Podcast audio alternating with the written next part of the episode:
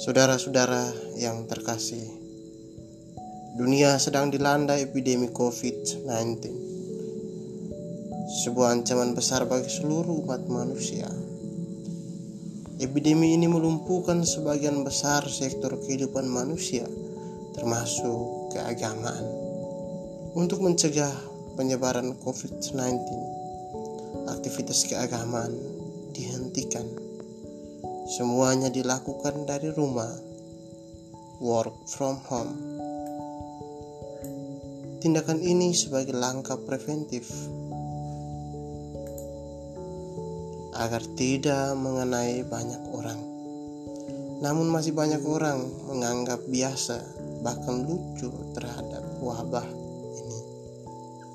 Bahkan masih ada yang tega menyebar hoax.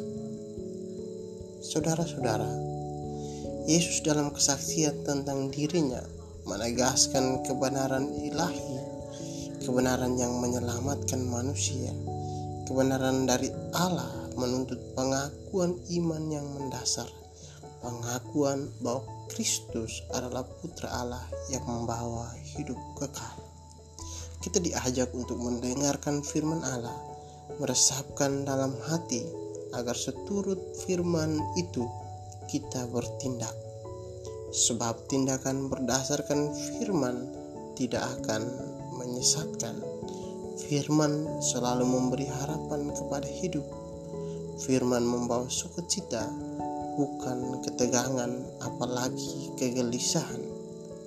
Di tengah wabah COVID-19 ini, kita hendaknya bersaksi tentang kebenaran, tidak memprovokasi kebohongan dan kecemasan publik. Amin.